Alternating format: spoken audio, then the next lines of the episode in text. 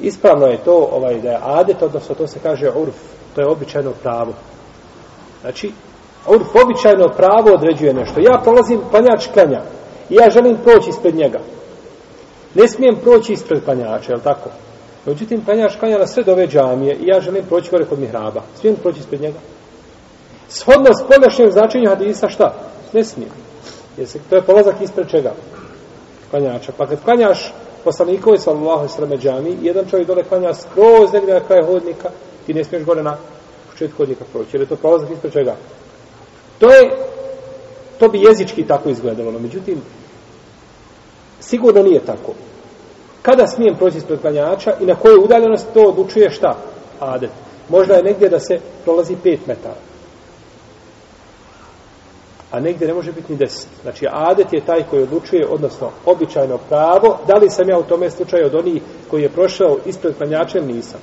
Pa ako znaš da će te onaj stari djedo povući za uho, kad te vidi napuni, znaj da si šta načinio, prestup.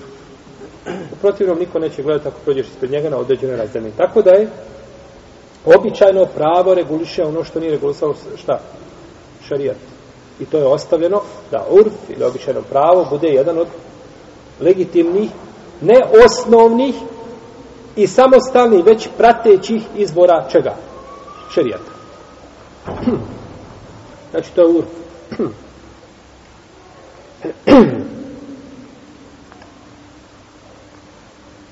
Isto tako kažu za put. Čovjek putuje. Je li putnik? Kažu shodno običajnom pravu shodno običajnom pravu. Pa kada bi kazao nekome od stanovnika Sarajeva, ja idem ujutru na put, kaže, kuda ideš? Kaže, idem u visoko. Kaže, kakav je to put? Ja svaki dan po pet puta odem do visokog i vratim. To nije nikakav šta.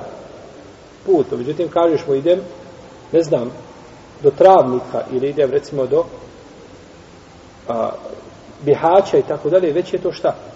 Put. Pa, kod nekih učenjaka i ovu stvar reguliše šta? običajno pravo, kao kod šehova Islama i Mutejmi, Ibn Kajima i drugih učenjaka. Znači, gleda se onda na običajno, na običajno pravo. U svakom slučaju, ispravno je da običajno pravo reguliše ono što nije regulisao šerijat. Što se tiče prolaska iz klanjača, to je možda i drugo pitanje. Jer tu postoji dokaz da klanjač mora staviti pregradu na udaljenosti od tri podlatice, a nakon toga te bi dozvoljeno prolazak. Pa ako nije stavio pregledu, to je njegov problem. I on je u tome slučaju kriv, a ne ti, iako ti je bolje da se udališ od te razdaline, mislim, na tri podmatice. Jeste. Ako, jeli, klanjač ne ima sutra ispred sebe. Ako ima, svakako možeš proći odmah ispred, ispred sutre.